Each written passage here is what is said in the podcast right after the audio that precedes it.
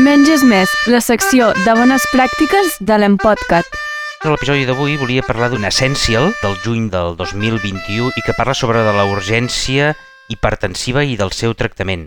Hi han diferents conceptes, que és el, la hipertensió arterial mal controlada, que és quan parlem d'unes tensions per sobre de 140-90, hi ha un altre concepte que és la urgència hipertensiva i hi ha un altre concepte que és la emergència hipertensiva. Quan parlem d'urgència hipertensiva, és una persona amb una tensió arterial elevada sense lesions als òrgans diana. Quan parlem d'emergència, és una tensió elevada, per exemple, per sobre de 180 de sistòlica i per sobre de 110, 120 de diastòlica, però que té una manifestació a nivell dels òrgans diana.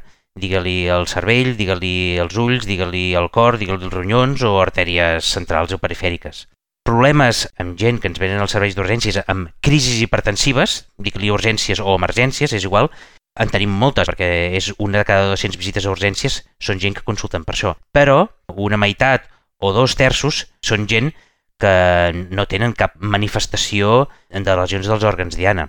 Per tant, aquesta recomanació de l'Essential, elaborada a través de la Societat Catalana de Medicina de Família i Comunitària, la Societat Catalana de Cardiologia, la Societat Catalana d'Hipertensió i altres societats, doncs te recomanen que davant d'una crisi hipertensiva realment veure si és una urgència o és una emergència. Si és una urgència, és a dir, que no té lesions dels òrgans diana, doncs eh, tranquil·litat, repòs, tornar a mirar l'atenció al cap d'una estona i mai fer tractament endovenós i repassar doncs, l'adherència que tingui del tractament.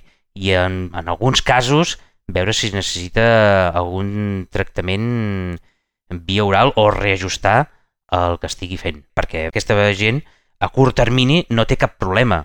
Vull dir, no, no, no li passarà res ni avui, ni demà, ni demà passat, ni els pròxims dies. I això és tot d'aquesta recomanació de l'Essential.